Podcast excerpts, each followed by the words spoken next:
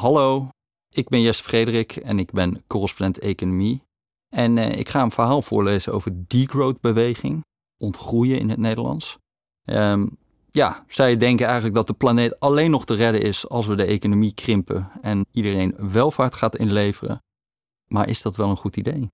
Daar gaat dit verhaal over. Het was wederom een maand vol goed nieuws over de energietransitie. In India gingen plannen voor nieuwe kolencentrales de ijskast in ten faveur van monsterlijk grote zonneweides. China noteert dit jaar waarschijnlijk al zijn piek in broeikasgasuitstoot, zeven jaar eerder dan de communistische partij had gepland. In mei wist de Europese Unie voor het eerst meer elektriciteit uit wind en zon te halen dan uit fossiele bronnen, en juni belooft nog lijper te worden.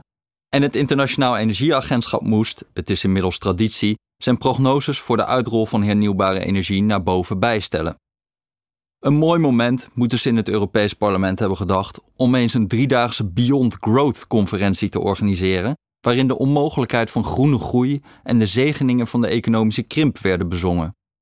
De droom van groene groei, het ontkoppelen van economische groei van broeikasgassen, is voorbij, beweerde de Belgische klimaatactiviste Adelaide Charlier bij de opening van de Beyond Growth-conferentie. Er klonk luid gejoel en applaus uit de zaal. Dat in de Europese Unie, de Verenigde Staten en Japan de economische groei inmiddels is ontkoppeld van de broeikasgasuitstoot, en ja, zelfs als je de verplaatsing van fabrieken naar landen als China meerekent, hinderde niet. Degrowth, in het Nederlands ontgroeien. Het is een idee dat een populariteit wint onder progressieven. Volgens de ontgroeiers hebben we onze hand overspeeld. We flamberen de planeet met een onhoudbare levenswijze en de techniek gaat ons niet redden van de nakende ecologische ondergang. Prominente ontgroeiers Jason Hickel en Georges Kalis betogen in een paper dat de opwarming beperken tot 2 graden enkel haalbaar is met het meest agressieve klimaatbeleid en als de wereldwijde groei dicht bij nul ligt.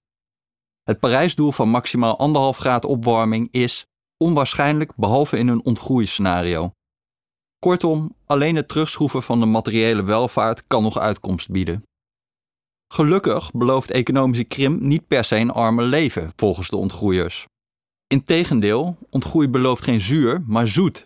Degrowth is een theorie van radicale overvloed, schrijft Hickel in zijn boek Less is More. We willen de conjunctuur afschaffen, staat er. We willen armoede verbieden. En we bevrijden mensen van het geploeter van onnodige arbeid, we verkorten de werkweek, behouden volledige werkgelegenheid en investeren in publieke goederen zoals universele gezondheidszorg, onderwijs en betaalbare huisvesting. Nu valt zulke radicale overvloed op het oog moeilijk te rijmen met een krimpende economie.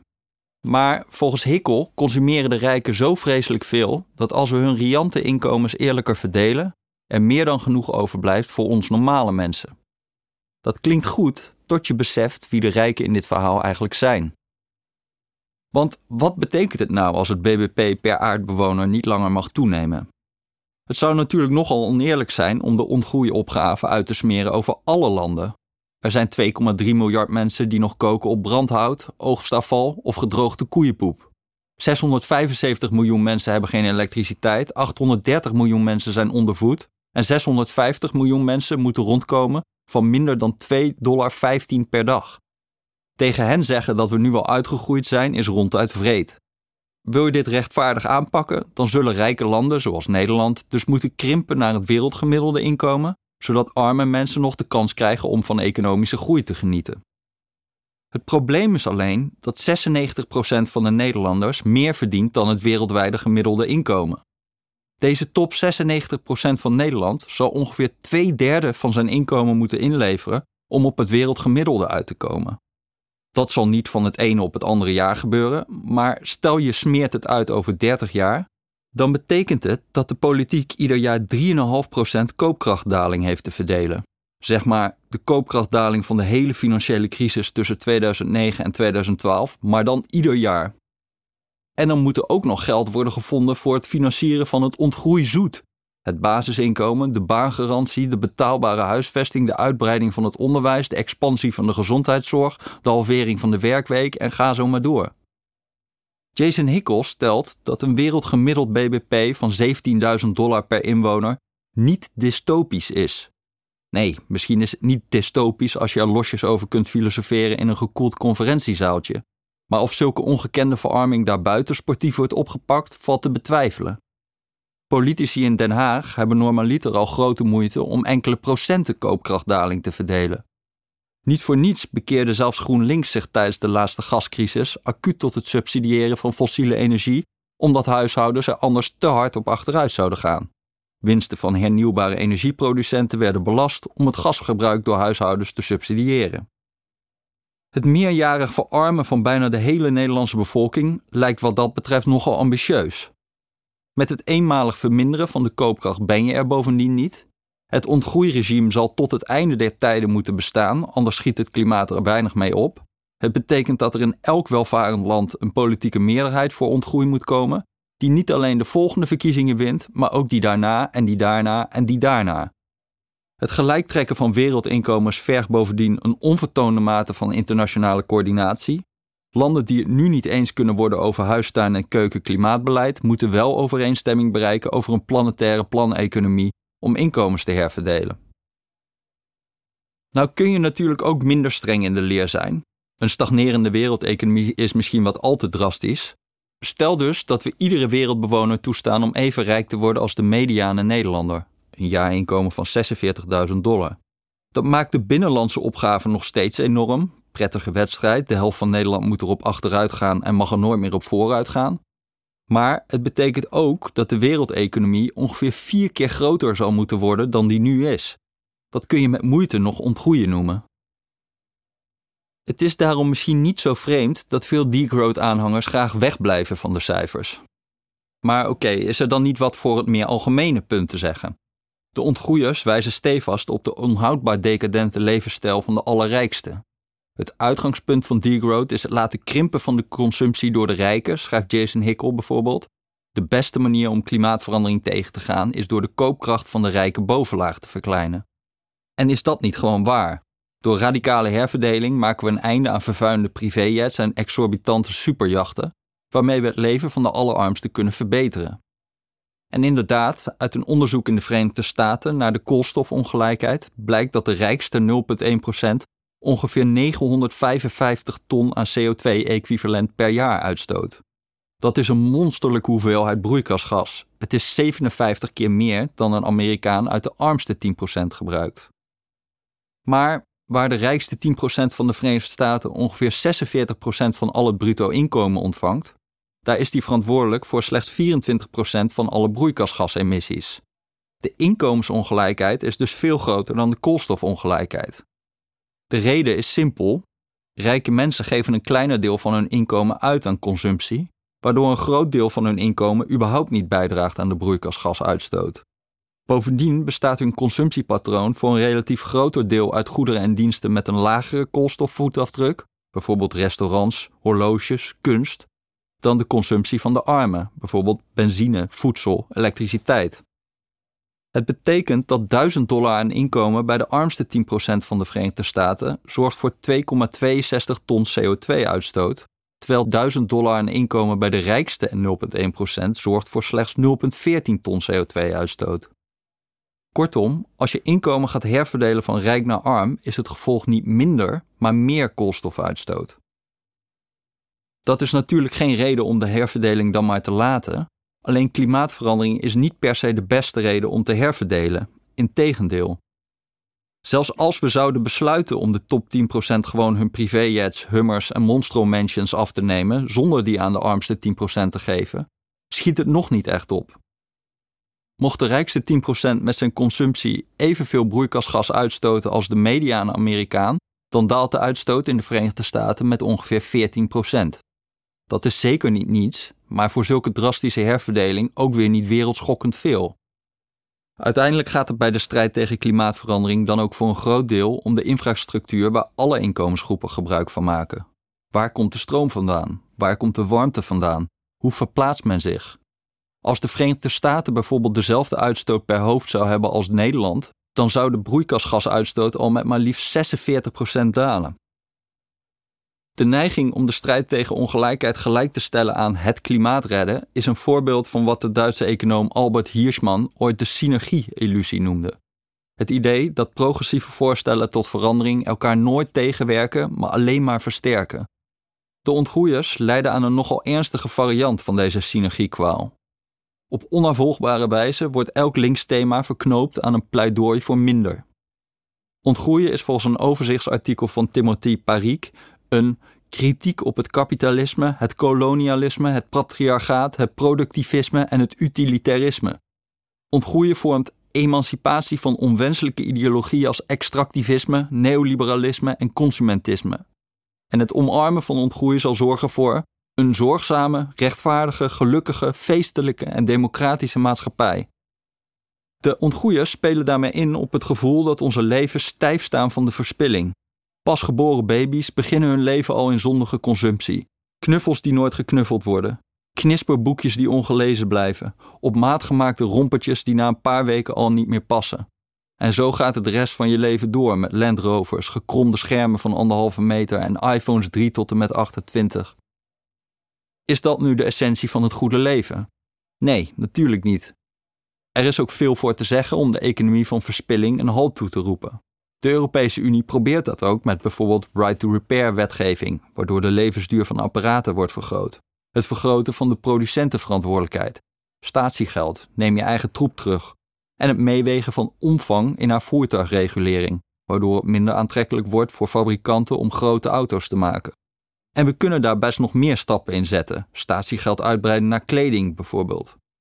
Maar laten we ook niet vergeten dat economische groei in de praktijk veel meer is dan alleen een kast vol ongebruikte actiontroep.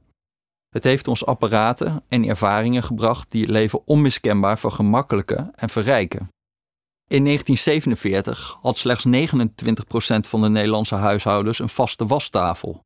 17% had een douche of bad en nog geen 10% centrale verwarming. In 1957 had slechts 3% van de huishoudens een koelkast, Tweederde van de mensen, lees vrouwen, waste nog met de hand en ruim een derde had nog niet eens een stofzuiger. In 1972 had nog eens 5% van de mensen een vaatwasser en in 1987 had slechts 11% een eigen computer. We gingen in 1969 slechts 7,1 miljoen keer op vakantie. In 2019, vlak voor corona, was dat 40,9 miljoen keer. Zelfs in het coronajaar 2020 gingen we bijna vier keer vaker 11 miljoen, op een buitenlandse vakantie dan in 1969, 3 miljoen keer. Het aantal museumbezoeken verviervoudigde sinds 1970 en in de afgelopen 20 jaar zijn we ongeveer twee keer vaker naar een concert gegaan. De meeste van ons willen af van overmatige consumptie, waarbij vooral de consumptiekeuzes van anderen bijzonder kwalijk zijn, maar willen we ook afscheid nemen van de vakanties, het concert, de vaatwasser. Er is een reden dat ze bij GroenLinks best meetups over de postgroei-economie willen organiseren, maar ook die partij, als puntje bij paaltje komt, een doodconventioneel doorgroei-verkiezingsprogramma presenteert waarbij het BBP met 1,6% per jaar toeneemt. Het is niet zo dat GroenLinks per se meer economische groei wil, maar het wil wel gratis kinderopvang, hogere lerarensalarissen, een klimaatfonds, armoedebestrijding en ga zo maar door. Als we zero-sum politiek willen vermijden, waarin de een zijn winst per definitie de ander zijn verlies wordt, dan is daarvoor simpelweg meer economische groei nodig.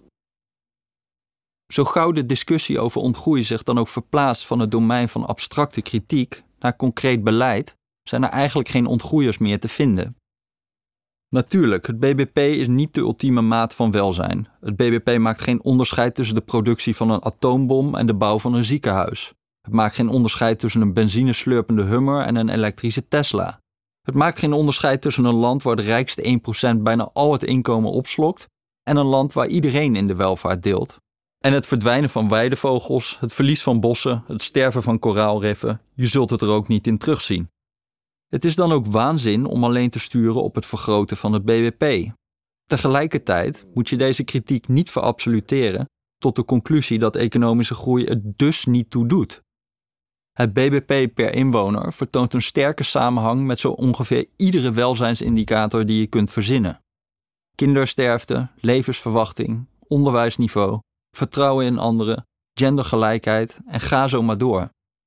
Het is de reden dat alternatieven voor het BBP, het Bruto Nationaal Geluk, de Human Development Index, de Better Life Index, bijna nooit een heel ander beeld geven dan het BBP per hoofd van de bevolking. De ontgroeiers hopen eigenlijk dat het makkelijker zal blijken om het BBP te ontkoppelen van deze welzijnsindicatoren dan om het BBP te ontkoppelen van broeikasgasuitstoot. Jason Hickel pleit bijvoorbeeld voor het schrappen van de duurzame ontwikkelingsdoelstelling van de Verenigde Naties, waarin wordt opgeroepen tot meer economische groei en graag meer dan 7% economische groei in de armste landen.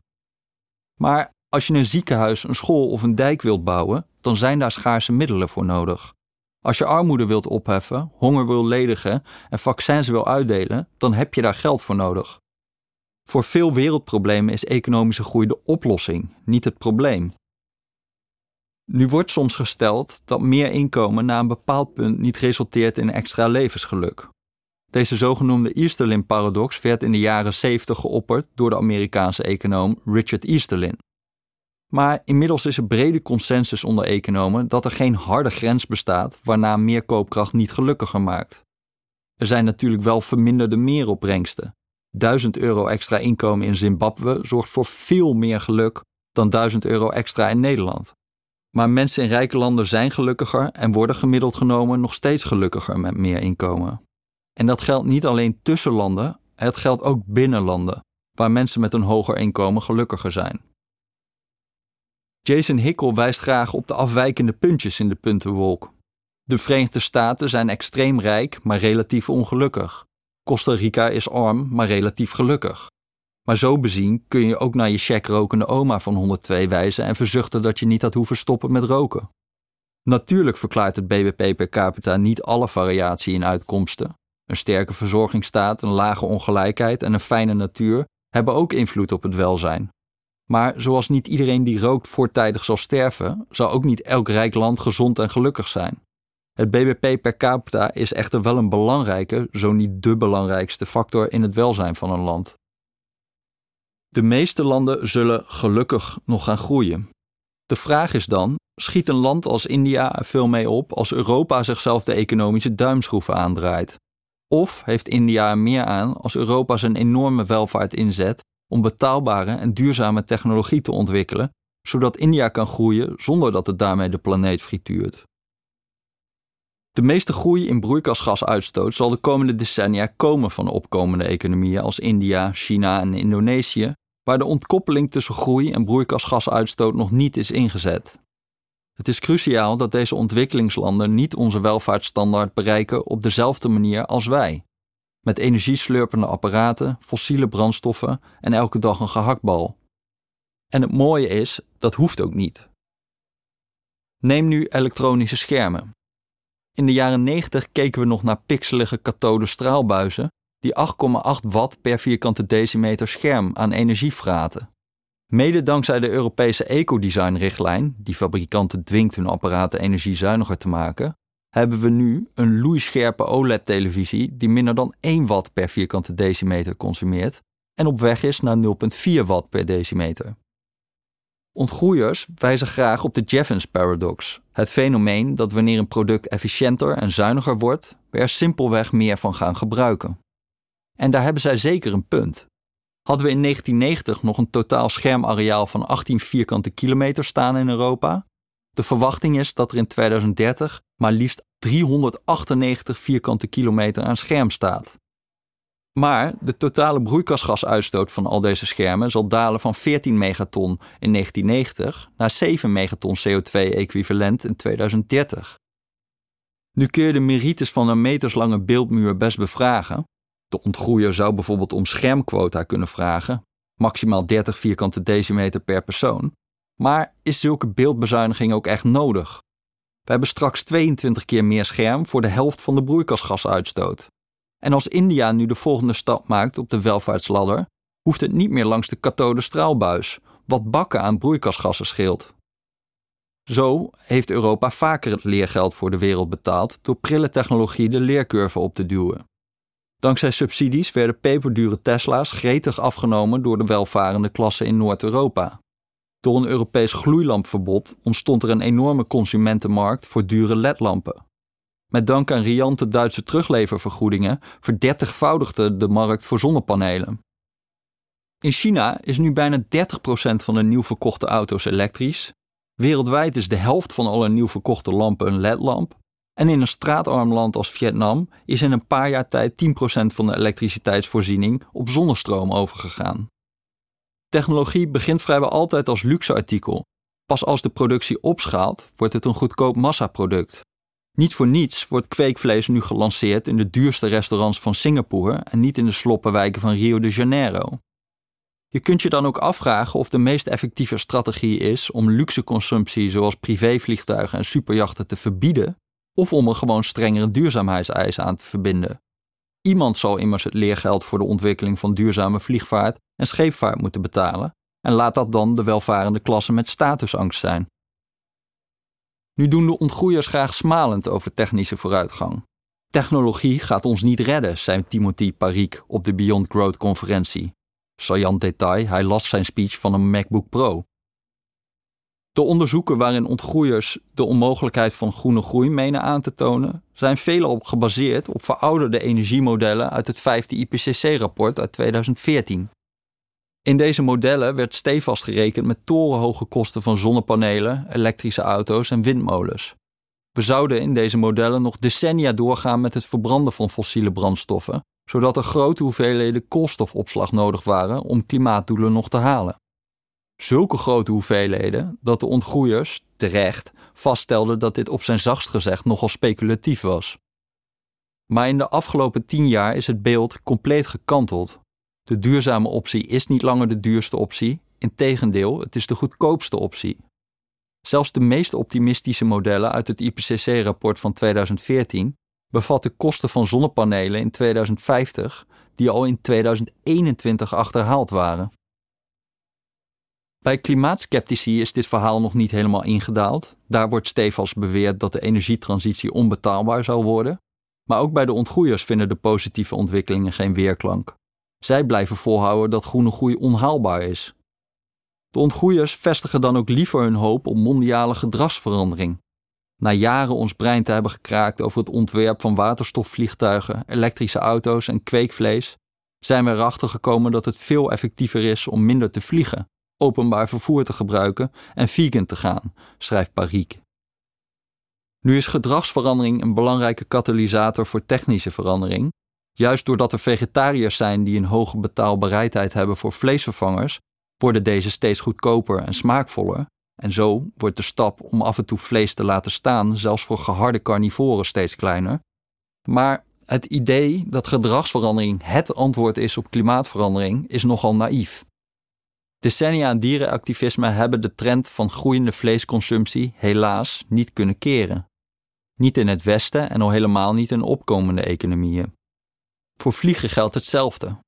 Uit een peiling van het CBS blijkt dat van de Nederlanders die zeggen zich veel zorgen te maken over het klimaat, overwegend hoog opgeleid, bijna de helft in het afgelopen jaar had gevlogen. Van de mensen die niet geloven in klimaatverandering, overwegend laag opgeleid, had slechts 32,7% gevlogen. Hoogopgeleiden gaven ook twee keer vaker aan vliegschaamte te ervaren dan laagopgeleiden, terwijl die laatste wel twee keer minder vlogen. Enigszins cynisch zou je kunnen stellen dat vliegschaamte vooral luxe beleidenis is voor rijke hoogopgeleide mensen. Bij gebrek aan vrijwillige verbetering hopen de ontgroeiers dan maar te dwingen tot het gewenste gedrag. Maar daar zijn zelfs in het steenrijke Nederland in de verste verte geen politieke meerderheden voor te vinden. 58,6% van de Nederlanders zegt weliswaar dat het beschermen van het milieu prioriteit moet krijgen boven economische groei, maar zodra dat concreet wordt gemaakt, slinkt de steun al snel. Slechts 31% van de Nederlanders vindt het wenselijk om het gebruik van brandstofauto's te ontmoedigen. Huiseigenaren dwingen van het gas te gaan, slechts 17% is ervoor. Inkrimpen van de veestapel 32%. Een vleesbelasting 22%. Hogere belastingen om klimaatbeleid te betalen. Slechts 14% is bereid deze te betalen. Maar 28% vindt dat Nederland voorop moet lopen als het gaat om klimaatbeleid en 74% van de Nederlanders vreest dat het klimaatbeleid hun leven duurder zal maken. Er is wel steun voor het duurder maken van vliegen, 45%, maar dan weer niet zo duur dat je niet kunt vliegen. Slechts 26% van de Nederlanders zegt namelijk bereid te zijn minder te vliegen en 10,2% om helemaal niet meer te vliegen. Waarbij nog de kanttekening moet worden geplaatst dat zeggen niet hetzelfde is als doen. Uiteindelijk bedienen de ontgroeiers zich dan ook van magisch denken Politieke en economische beperkingen bestaan niet voor hen. Toen de Servisch-Amerikaanse econoom Branko Milanovic, bekend van zijn werk over de wereldinkomensongelijkheid, een paar jaar geleden voorrekende dat ongeveer iedereen in het Westen er gigantisch op achteruit zou gaan in de ontgroeieconomie, haalden de ontgroeiers hun schouders op. Ontgroeien is niet de broekriem aanhalen, de literatuur is daar heel duidelijk over, schreef Barik. Om zijn punt te bewijzen citeerde hij zijn Franse ontgroeicollega Serge Latouche, die in een editie van het blad La Décroissance uit februari 2002 schreef dat ontgroeien geen grenzen stelt aan de besteding van gevoelens of de productie van het feestelijke, zelfs het Dionysische leven. Tja, als meneer Latouche in februari 2002 in het blad La Décroissance heeft gezegd dat het feestelijk, nee Dionysisch is om een groot deel van je inkomen in te leveren, dan kunnen we de spreadsheet weer opbergen natuurlijk. Het is typisch voor de argumentatiestijl van de ontgroeiers. De discipline van het telraam ontbreekt en als iemand wel begint te rekenen, dan wordt luidkeels geclaimd dat hij het niet heeft begrepen. Ontgroeiers lijken te geloven dat wenselijke zaken waarheid worden als je ze maar gewoon netjes onder elkaar zet. Dan stelt Hickel voor om per decreet de huur- en woningprijzen te halveren en zijn collega Georgios Kalis om ook maar geen woningen meer te bouwen. En dan worden woningen gewoon half zo duur. Is dat even mooi? Maar dat er meer woningzoekenden dan woningen zijn, lost zich natuurlijk niet op door wild met je handen te wapperen en heel hard neoliberalisme te roepen. Uiteindelijk gelden ook voor de ontgroeiers de aardse beperkingen van vraag en aanbod. Het zou een dwaas eigen doelpunt zijn als linkse partijen deze fantasierijke ideologie omarmen. Het was al moeilijk voldoende steun te vinden voor klimaatbeleid. Het zal niet kansrijker worden met een politiek programma dat klinkt als een slechte parodie van wat rechtse mensen zeggen dat linkse mensen willen. Ze willen alles afpakken: je auto, je vakantie, je inkomen, maar dan echt. Het is bovenal volstrekt onnodig. Meer dan ooit kunnen groene politici zich juist verbinden aan een verhaal van vooruitgang. Elektrische auto's zijn beter dan brandstofwagens, zonnepanelen zijn goedkoper dan kolencentrales, ledlampen zijn superieur aan gloeilampen. Zullen we dan nu vleesvervangers maken die beter zijn dan vlees, vliegtuigen bouwen die vliegen op elektriciteit en plastics extraheren uit de lucht?